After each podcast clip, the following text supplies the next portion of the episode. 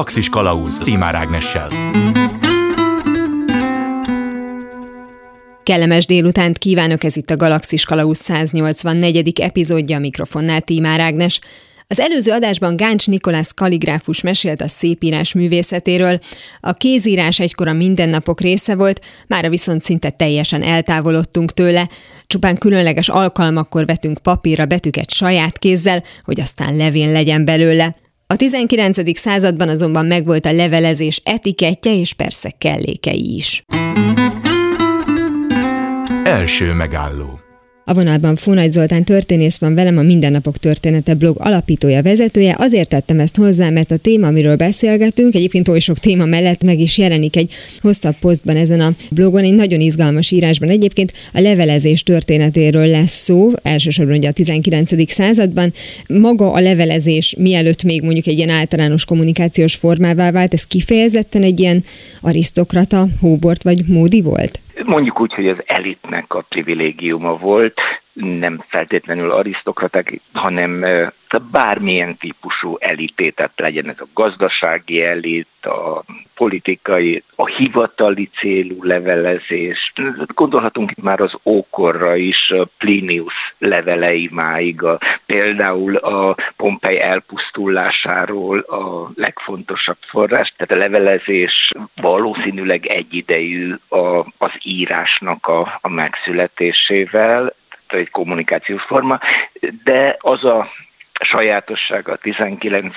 századnak ebből a szempontból, hogy ekkor válik ez a mindennapi élet részévé, tehát mondjuk úgy, hogy egyre szélesebb rétegek hétköznapi gyakorlatává kezd válni levelet írni és levelet kapni. De ez a fajta választóvonal az alapvetően az írásolvasás tudásnak a, a függvénye volt, és tulajdonképpen ezzel már tudták jelezni a rangjukat, hogy én tudok állandó levelezést folytatni, akár mondjuk a semmiről is, mert én le tudom írni, és a partnerem el tudja olvasni. Az írni-olvasni tudás természetesen az alapfeltétele a levelezésnek, de nem csak ez tette ilyen gyakorivá, tehát a hétköznapi élet részévé a levelezés. Valóban a, tehát az írni-olvasni tudás általánossá válása Magyarországon mondjuk az első világháború előttre, legalábbis a, már a a dualizmus idején felnövő generációk esetében azt mondjuk, hogy, hogy lassacskán általánossá vált az írni-olvasni tudás. Természetesen ez, a,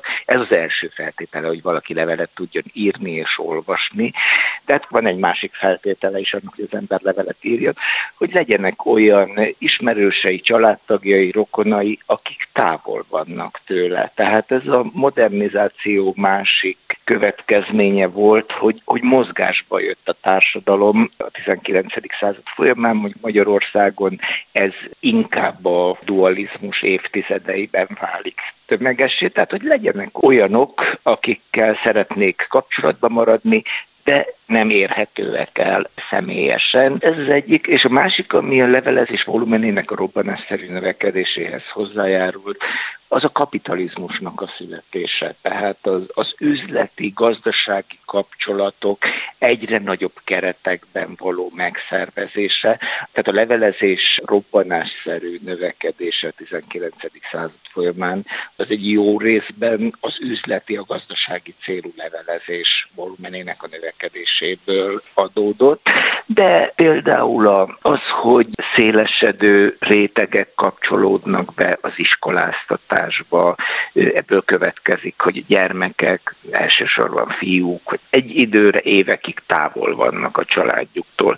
Aztán a kiegyezés körül bevezetett általános hat kötelezettség megint az járult, hogy a fiatal emberek három évig távol vannak a, a családjuktól. Tehát, hogy, ez a modernizáció egyre több olyan szituáció keletkezik, amikor családtagok, barátok, rokonok távol kerülnek egymástól megnő ennek a hatótávolsága is ennek a távol létnek. Ugye század végén tömegesség válik az amerikai kivándorlás, és ez elsősorban az agrárszegénységet érinti, Közöttük természetesen amerikai és hazai rokonok között a kapcsolattartás egyetlen eszköze a levelezés volt. És akkor, ha már ilyen történelmi folyamatokat, vagy eseményeket sorolok, akkor megemlíteném, hogy egy ilyen ugrásszerű növekedést jelentett az első világháború, amikor évekre a fiatal férfi népességnek a, a jelentős hányada távol volt a családjától, méghozzá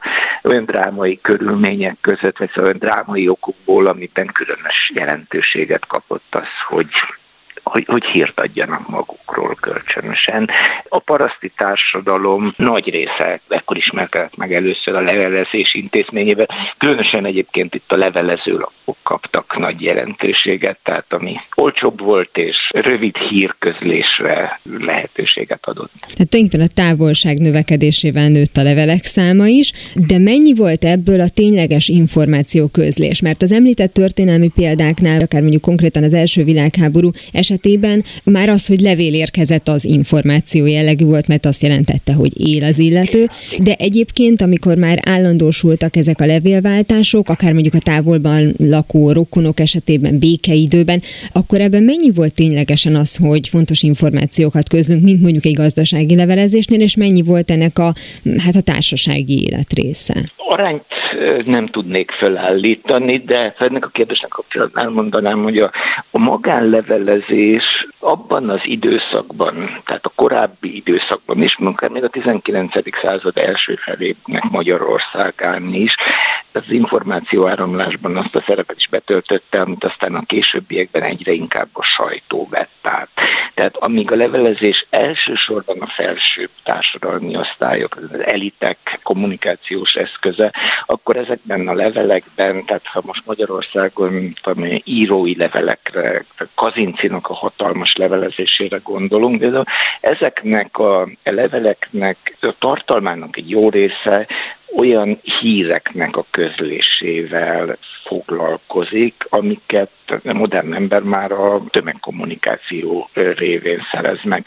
És ahogy a sajtó elkezd a mindennapok részévé válni, 1840-es években kezdődik ez a folyamat Magyarországon, de szintén a dualizmus idején válik igazán tömegessé, akkor a levélnek megszűnik ez a funkciója, tehát már legfeljebb a benfentes információkat osztanak meg benne. Természetesen a családi, tehát a magántermészetű információk azok mindig jelen vannak. Tehát az megmarad mindig az egyik fő motivációjának a levélírásnak, de helyesen jól érzett rá kérdés alapján arra a, a folyamatra is, hogy a polgári társadalom illem szabályainak, egyre cizelláltabb illem szabályainak a kialakulása az a levelezéssel kapcsolatos szokásokat is érinti, tehát ahogy hétköznapivá válik ez a levelezés, úgy szaporodnak meg azok az alkalmak, amikor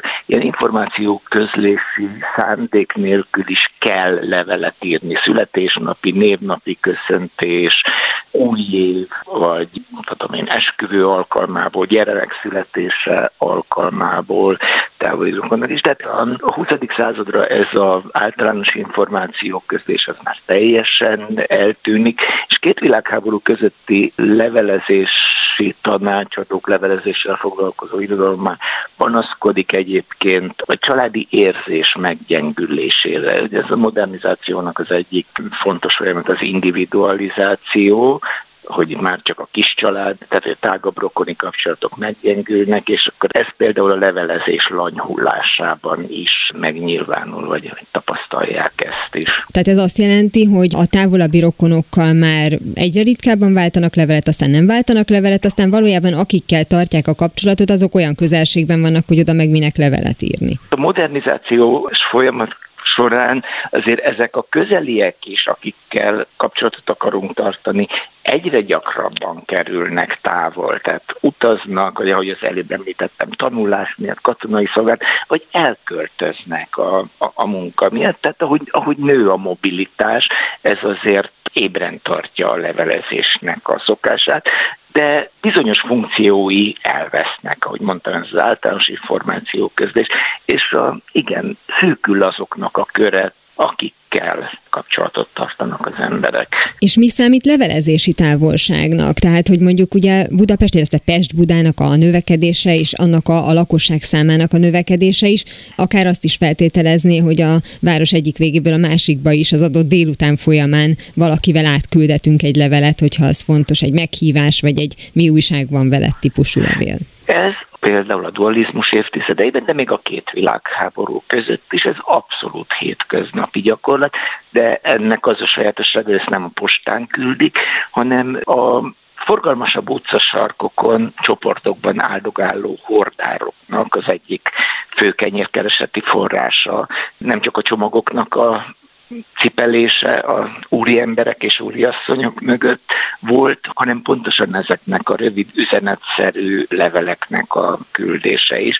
Ugye, ha már Budapestnél tartunk, akkor majd lassacskán, de érezhető mértékben, inkább majd csak a 20.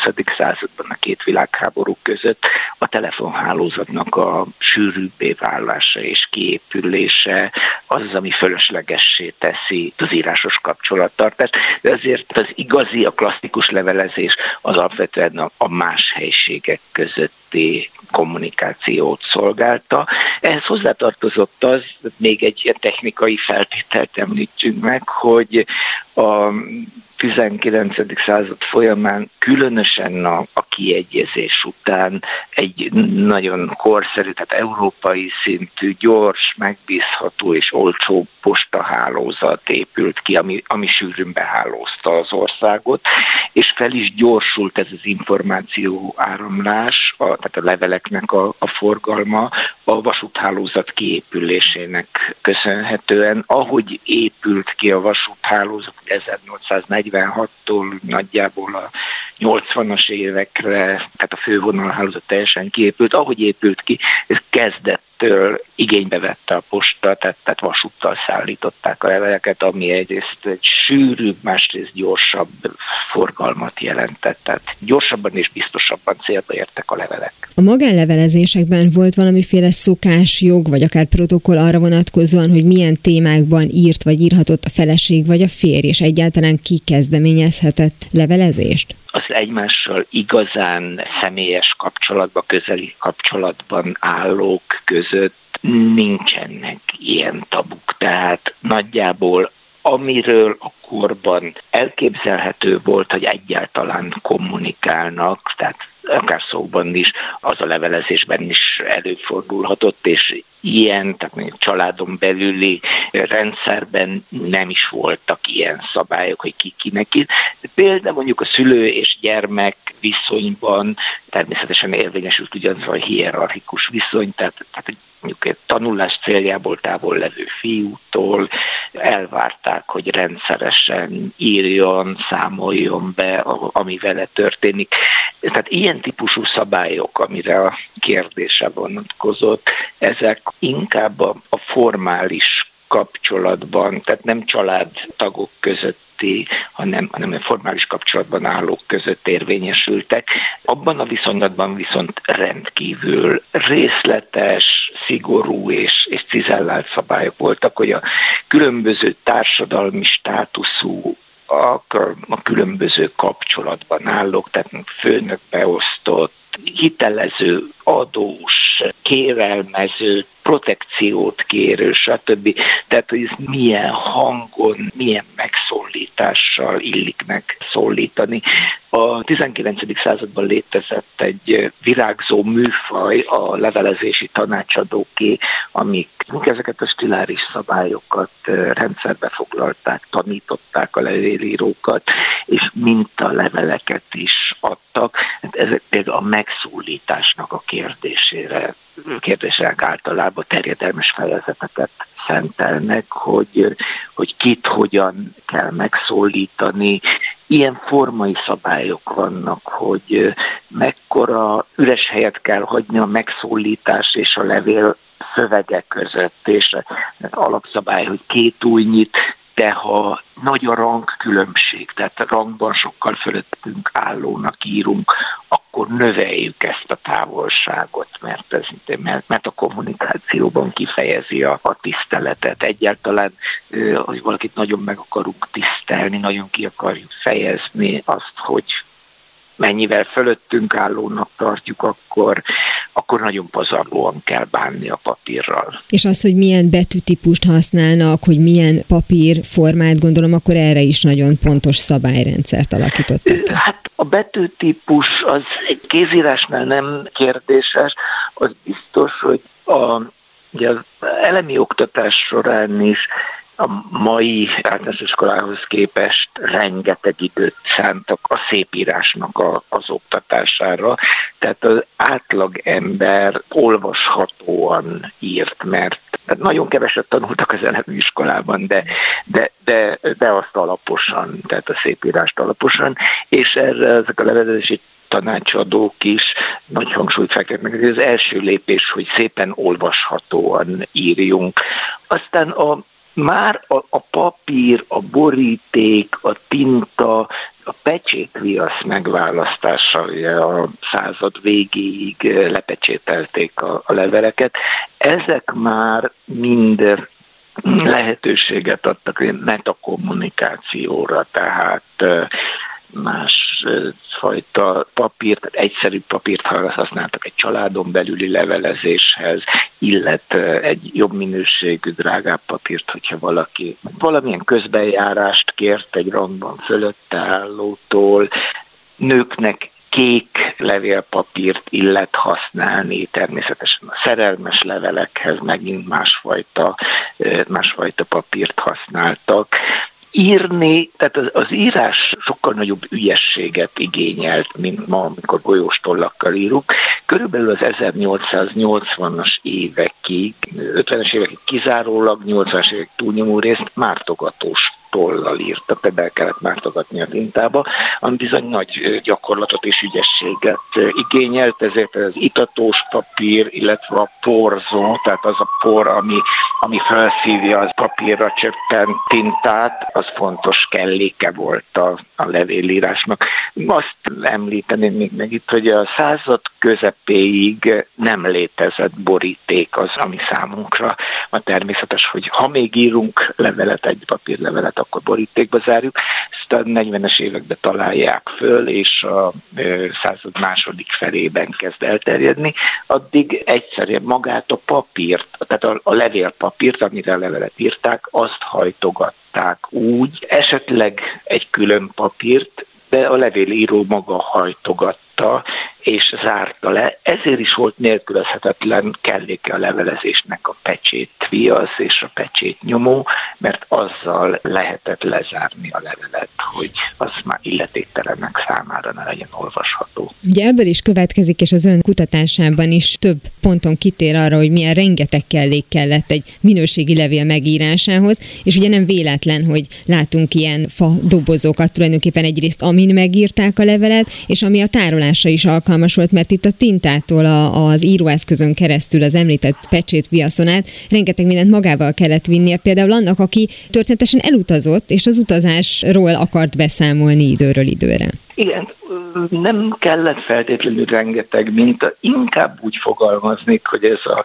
tehát az, hogy, hogy vannak ilyen fizikai kellékek, az lehetőséget adtak arra, hogy, hogy, hogy ezek presztízs tárgyakká is váljanak. Tehát például a levelezéshez szükséges tárgyak, vagy azzal kapcsolatos tárgyak, maga a toll, a tintatartó, a levélnehezék, papírvágók és a többi, ezek valóban egy literátus, tehát írni, olvasni szokó embernek a asztalának a nélkülözhetetlen kellékei voltak, és ezek nagyon alkalmasak voltak ajándékozás céljára is, tehát ez, hogy ebből luxus kivitelőeket ajándékozzanak, mondjuk családtagok, barátok egymásnak különböző alkalmakra, és a század vége felé már lehet olvasni olyan publicisztikákat, amikben arra panaszkodnak, hogy egyre többen esnek túlzásba, tehát hódít, terjed a sznobéria, hogy saját címeres levélpapírokat nyomtattatnak, készítetnek olyanok is, akiknek egyébként nem is nemesi származásúak, tehát valójában nincs is címerük, hanem maguk kreálnak ilyet, tehát a levelezés és ennek a kellékei, ezek alkalmat adtak ilyen, egyrészt a luxusnak, másrészt az ilyen rankóságnak vagy sznobériának a kiélésére is. Nagyon szépen köszönöm Fónágy Zoltán történésznek, hogy mindezeket elmondta. Köszönöm a megkeresést. Utak? Ahová megyünk, ott nincs szükség utakra. Az interjúban is említett levélíráshoz használt írószekrény vagy dobozka pontos példája a több funkciós és egyben dekoratív bútornak. A lakberendezés történetében nem egy olyan különleges darab található, amely ezekkel az erényekkel rendelkezik, sőt, talán nem is található olyan bútor, amely csupán egy funkciónak tenne eleget. Második megálló. A vonalban nevelő Judit van velem, lakberendező művészet történész. Jó napot kívánok! Jó napot kívánok, üdvözlöm a hallgatókat! Az előzőekben többek között szó volt arról az író dobozról, amelyen a 19. században szerettek megírni egy-egy levelet, és az alkalmas volt arra is, hogy magába rejtse a pecsétviasztól kezdve a festéken át minden. Tehát, hogy ez egy olyan bútor, még hogyha apró bútor is bútordarab volt, aminek volt funkciója, de ha visszamegyünk amennyire lehet a kezdet-kezdetére, valójában a bútor minden esetben magában hordozta a funkció jellegét, különben minek jött volna létre, de ezzel együtt rögtön megjelent az is, hogy valamilyen formában azért esztétikus legyen? Igen, egészen, hogyha már visszanyúlunk az ókori Egyiptomig, akkor is látható volt, hogy nagyon sok bútor nem létezett már az ókori Egyiptomban is, tehát egyébként volt már tároló bútoruk, volt már ágyuk, voltak összecsukható székeik is, tehát hogy ők is nagyon figyeltek arra, hogy funkcionálisak legyenek ezek a bútorok, és egyébként hát ugye, amit ismerünk az egyiptomi művészetből, azért ők erőteljesen díszítették is ezeket a tárgyakat, Persze, hogyha mondjuk kicsit előre haladunk az időben, akkor mondjuk a középkorban ez sokkal kevésbé volt jellemző. Ott mondjuk így a, a történelmi viszonyok, a néppendorlás, a háborúk, a járványok, azok nem annyira tették lehetővé, hogy az esztétikumra annyira figyelmet fordítsanak, tehát ott inkább a, a művészet az nem a prioritási lista elején volt, de egyébként akkor is használtak, hát főleg tárolásra bútorokat, ládákat főként, ugye azért is, mert hogy azok is már több funkciójúak tudtak lenni, rá tudtak ülni, tehát hogy ülőbútorként és tárolóbútorként is használták. Aztán, ahogy igazából javult a gazdasági körülmény, ugye polgárosodás beindult a későbbi századokban, akkor hát igazából az emberek az otthonaikban is szerettek volna olyan bútorokat tudni, ami hát ugye egyrészt a, a tárolási igényük szolgálják, másrészt pedig a mindennapi cselekvéseiket, tehát hogy pontosan mondjuk akár egy olyan íróasztalka, ami ne adj Isten hordozható is, és mondjuk különböző kis fiókok, tárolóegységek vannak benne, még akár olyanok is, amiről csak a tulajdonosa tud, kis rejtett fiókokkal ellátott írószekrénykéket mondjuk a reneszánsz korban, barokkorban előszeretettel használtak, mert is gazdagon díszítették ezeket. Tehát akkor a luxusnak az is a kifejeződése volt, hogy egyrészt több mindenre alkalmas egy bútor, másrészt akár olyan módon is ki tudták fejezni a gazdagságukat, hogy egy bútor csak egy valamire jó, mert nekünk akkora terünk van, hogy bármennyi bútort bele tudunk tenni, mert ugye az említett ládáról jutott eszembe, hogy ez tök jó, hogy tároltak benne ruhát, és ráülni is tudtak, de aztán később ugye például az akasztós szekrény megjelenésével már gondolom az a funkció fontosabb volt, hogy olyan ruhákat viseltek, amelyeket nem lehetett belegyűrni egy ládába. Igen, mindenképpen, hogy itt magának a tulajdonosnak az anyagi helyzete azért nagyban meghatározta azt, hogy ő akkor milyen léptékben gondolkodhatott, akár ugye az otthonának a tereit illetően, akár pedig a bútorokat illetően. Mondjuk ugye, hogyha az arisztokráciát nézzük, akkor hát ők nekik külön ugye helyiségeik voltak, elég nagy helyiségeik, ahol csak társaságokat fogadtak, ugye a szalonokban, hát ezeknek kizárólag ez volt a funkciója, és akkor emellett voltak olyan helyiségek, ahol ugye a, a ruháikat tárolták. Úgyhogy igen, igazából ez, ez mondjuk a vidéki embereknek az életében hát kevésbé volt jellemző, ott egy központi helyiség volt, a konyha, sokan ott is aludtak, mert hogy az volt az egyetlen fűtött helyiség az egész házban, és akkor ugye a szobában tartották az egy vagy hát jobb esetben kettő szobában az egyéb holmiaikat ezekben a tárolókban. Hamarosan folytatódik a Galaxis Kalausz, benne az interjú nevelő Judit lakberendező művészettörténésszel. Galaxis Kalauz Timár Ágnessel. Ez itt továbbra is a Galaxis Kalauzén Tímár Ágnes vagyok. Folytatom a beszélgetést nevelő Judit lakberendező művészettörténésszel többek között arról, hogy mikor jött létre a lakberendezés, mint önálló szakma, és milyen korokban mi hatott rá elsősorban.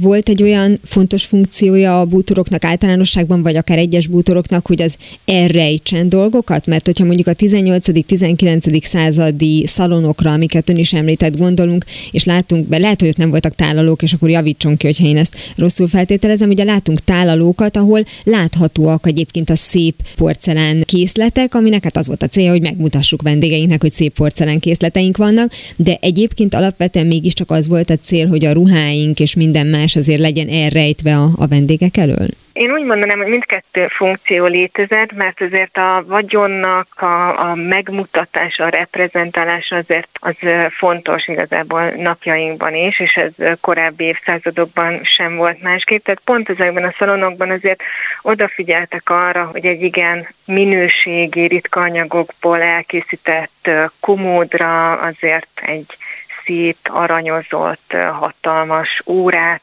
ráhelyezzenek egy csodálatos tükör ami a falon lóg mögötte, úgyhogy abszolút persze, tehát a, a dekorálás az mondjuk nagyon is fontos volt, Egyébként például ez a láda funkció, ez, ez a későbbiekben is így megmaradt, tehát hogy nem korlátozódik mondjuk a középkorra. Például nagyon fontos volt a, az itáliai reneszánsztól, hogy ilyen ládákban vitték át, a, tehát ilyen kelengye ládákban vitték át a menyasszonynak a hozományát a vőlegényes házba, és ez egy nagyon fontos esemény volt, az egész város kivonult, és magának ennek a ládának a, a díszítettsége, az anyaga mutatta meg a családnak a, hát a pozícióját, úgymond társadalmi szinten. Tehát, hogy ebben nagyon komoly erőforrásokat fektetett az adott család, hogy ugye az minél díszesebb legyen, hogy meg tudják mutatni, hogy ők hol állnak a ranglétrán.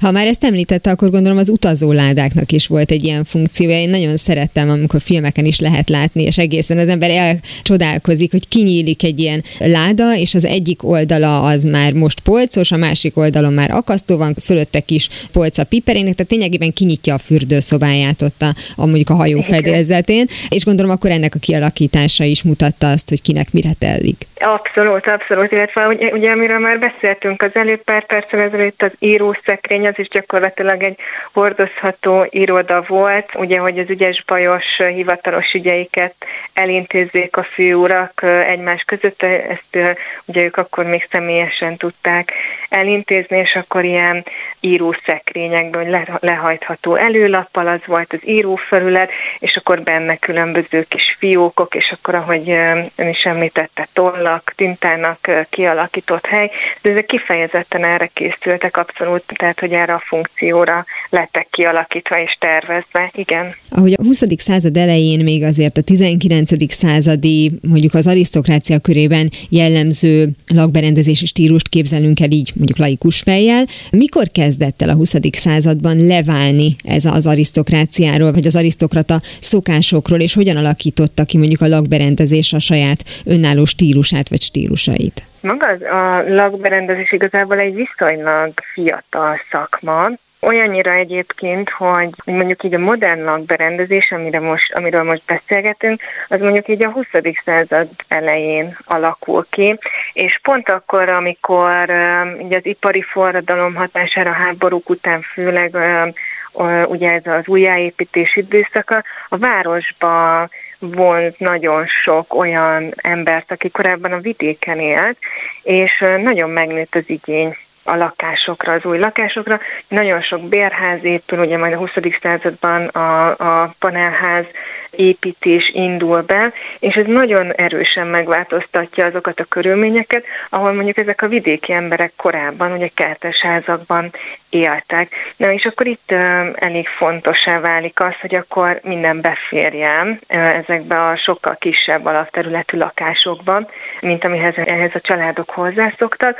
Úgyhogy nagyon fontos volt az, hogy, hogy tényleg ez így ergonómiailag, ami azt jelenti, hogy minden igazából kézre esik, ezekben a lakásokban mindennek el kell férnie, a sokkal kisebb terekben is.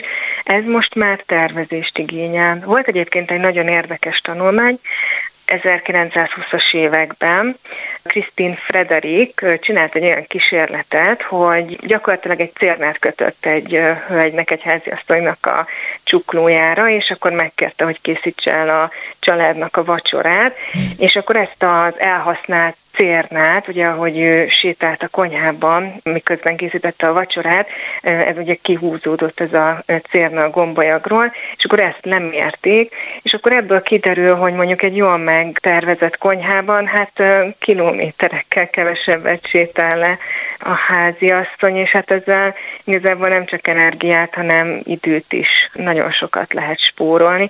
Úgyhogy így a tudatos tervezése a belső építészetnek így a kialakulása az ugye a 20. század elejére tehető. Sőt, ugye egy egészen kicsi konyhában az egyik keze még a mosogatóban van, a másik pedig már az asztalon szereteli mondjuk a, a karalábét. Így van.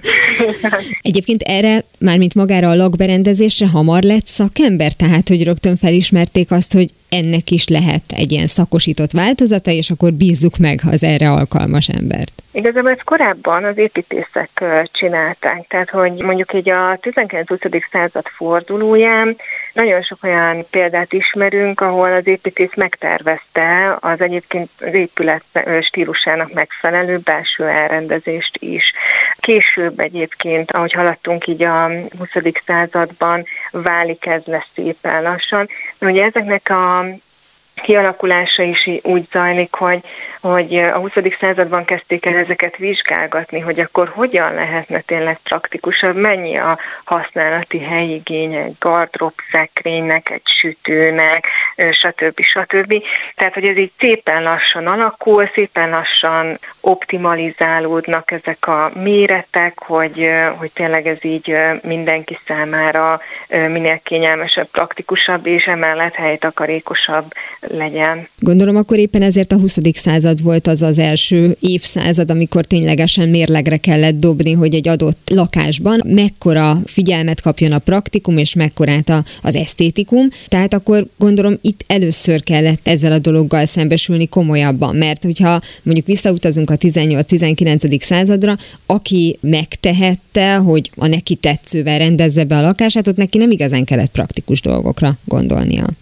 Igen, abszolút. Egyébként a, amúgy is a modernizmusnak ugye egy ilyen elhíresült jelszava a kevesebb több, és ez abszolút erre a dilemmára utal egyébként, hogy melyik fontosabb a funkció vagy az esztétikum. A modernizmus pedig ugye a 20. századhoz köthető, 20. század elejéhez először, de ez egyébként vitákat is kavar, tehát hogy ebben nem feltétlenül van megállapodás. Azért alapvetően azt elmondom, hogy a lakberendezésről nagyon sokan azt gondolják először, hogy az áll a fókuszában, hogy mondjuk milyen ágytakaróhoz milyen függönyt és milyen díszpárnát érdemes használni, de igazából mi is minden esetben, tehát a lakberendezők a funkcióból indulunk ki, a praktikumból, és amikor megvan az, hogy melyik bútor pontosan hol lesz, milyen megvilágítást fog kapni és miért, akkor kezdhetünk el azon gondolkodni, hogy és akkor pontosan milyen színű legyen annak a bútornak az ajtaja, legyen-e rajta valamilyen dekorációs csík, vagy egyszínű legyen, vagy magas fényű.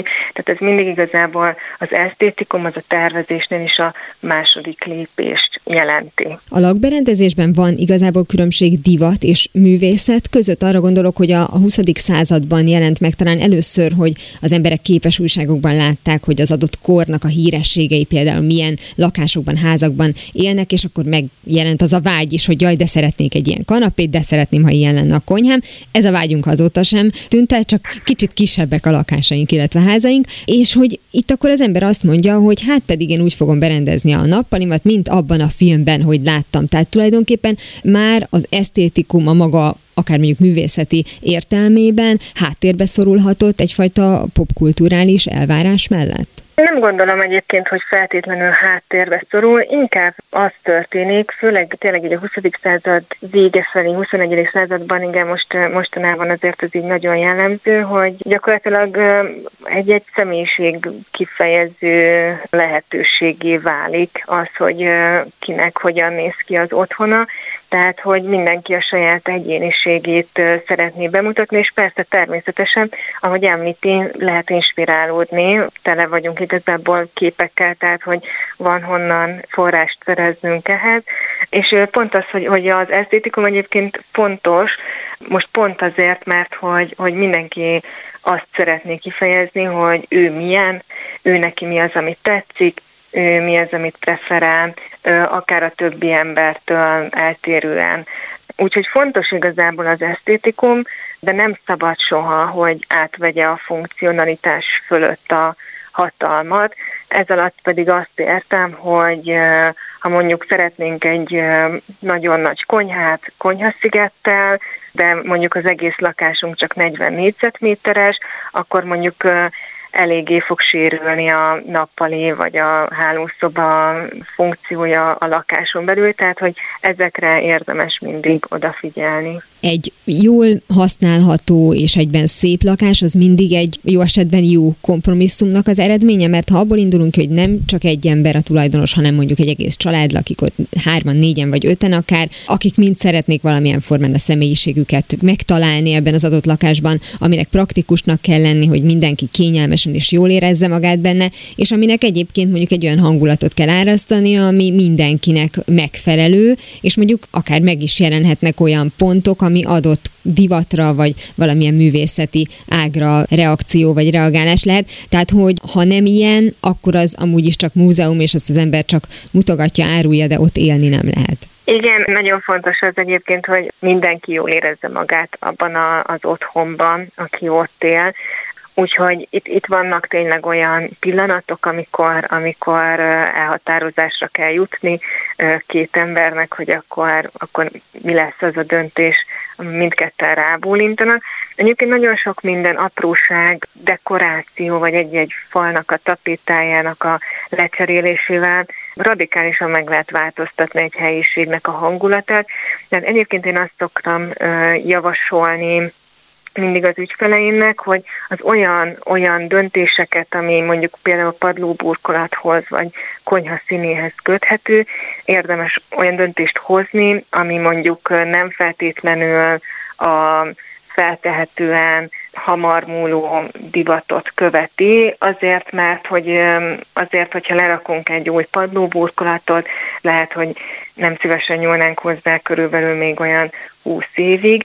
Tehát az igazából jobb, hogyha egy kicsit ilyen, ilyen stílus semleges marad, viszont mondjuk egy falnak a színe, vagy tapéta rajta, vagy a dekorációnak a kialakítása, az nagyon-nagyon erősen stílusmódosító hatású, és ezeket pedig akár egy pár éven belül, hogyha megunjuk, vagy más tetszik, vagy a mi ízlésünk tényleg egy kicsit módosult, akkor, akkor viszonylag kis anyagi befektetéssel meg tudjuk változtatni ezeket. Egyébként így ez, ez az, amit szoktam javasolni első körben. Hogy a lakásban mindenképpen otthon legyen. Nagyon szépen köszönöm Nevele Judit lakberendező művészettörténésznek, hogy mindezeket elmondta. Én köszönöm. Tedd vagy ne tedd, de ne próbáld. Ha választanunk kellene egy olyan eszközt, amely bár a gyakorlati haszna miatt lett része az életünknek, mostanra mégis ugyanannyira fontos a külleme, amikor döntünk éppen a megvételéről, akkor az valószínűleg az óra lenne. És ugyanannyira igaz ez a lakásban elhelyezett fali, álló vagy éppen kandalló órákra, mint az akár ékszerként, esetleg a társadalmi rang kifejezéseként viselt karórákra, vagy egykor a zsebben hordott ketyegőkre. Harmadik megálló. A vonalban Jung Péter órás van velem, jó napot kívánok! Jó napot kívánok! Aki órát tud javítani, az szükségszerűen a nulláról is fel tud építeni egyet? Hát a nulláról nem okvetlenül.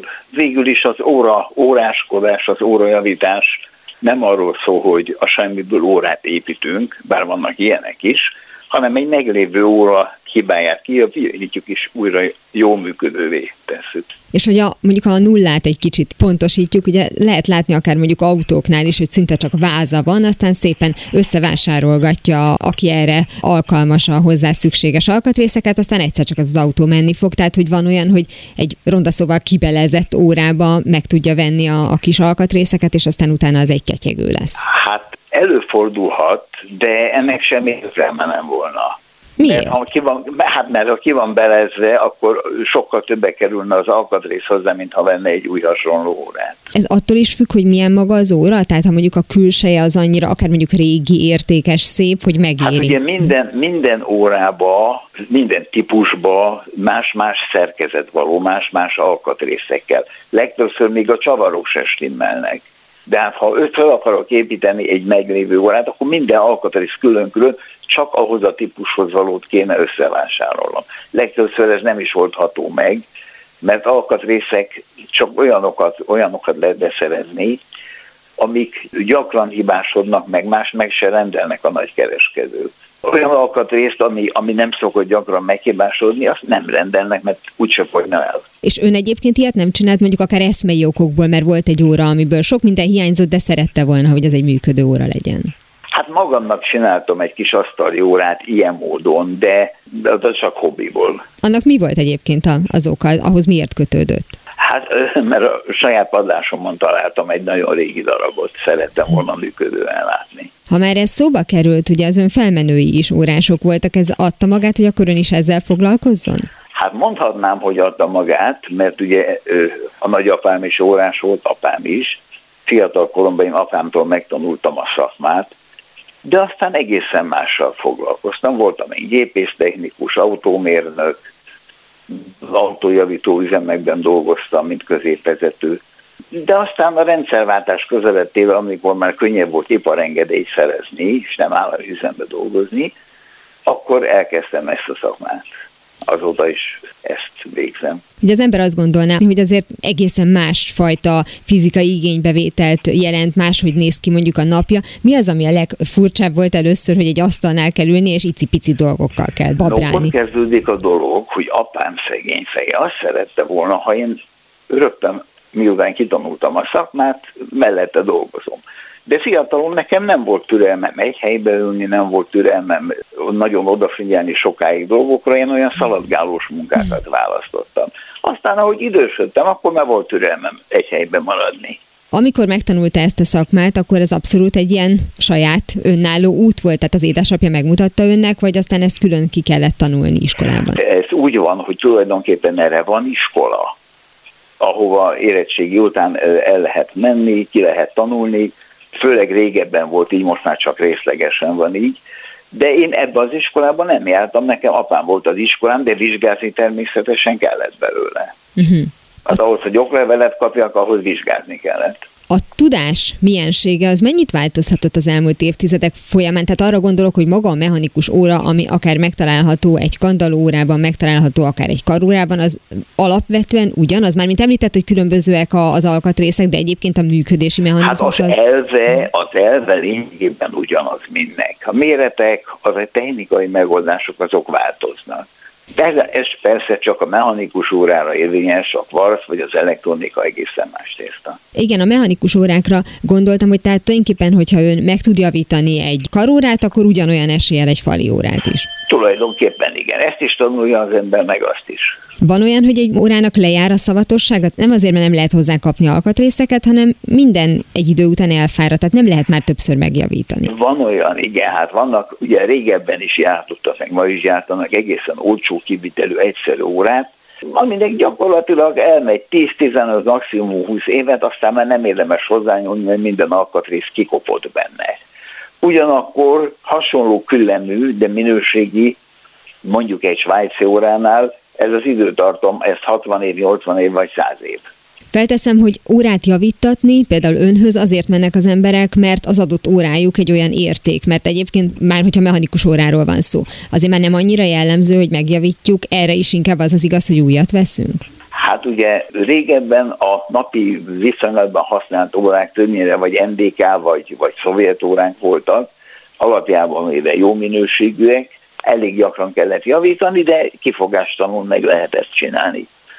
Na most eh, ma már ez kétfelé vált, vagy hordják az emberek az egészen drága órákat, főleg reprezentációs célral, vagy pedig veszik a piacon az olcsó órákat, amikről tudják, hogy jó esetben egy-két évig el fog menni.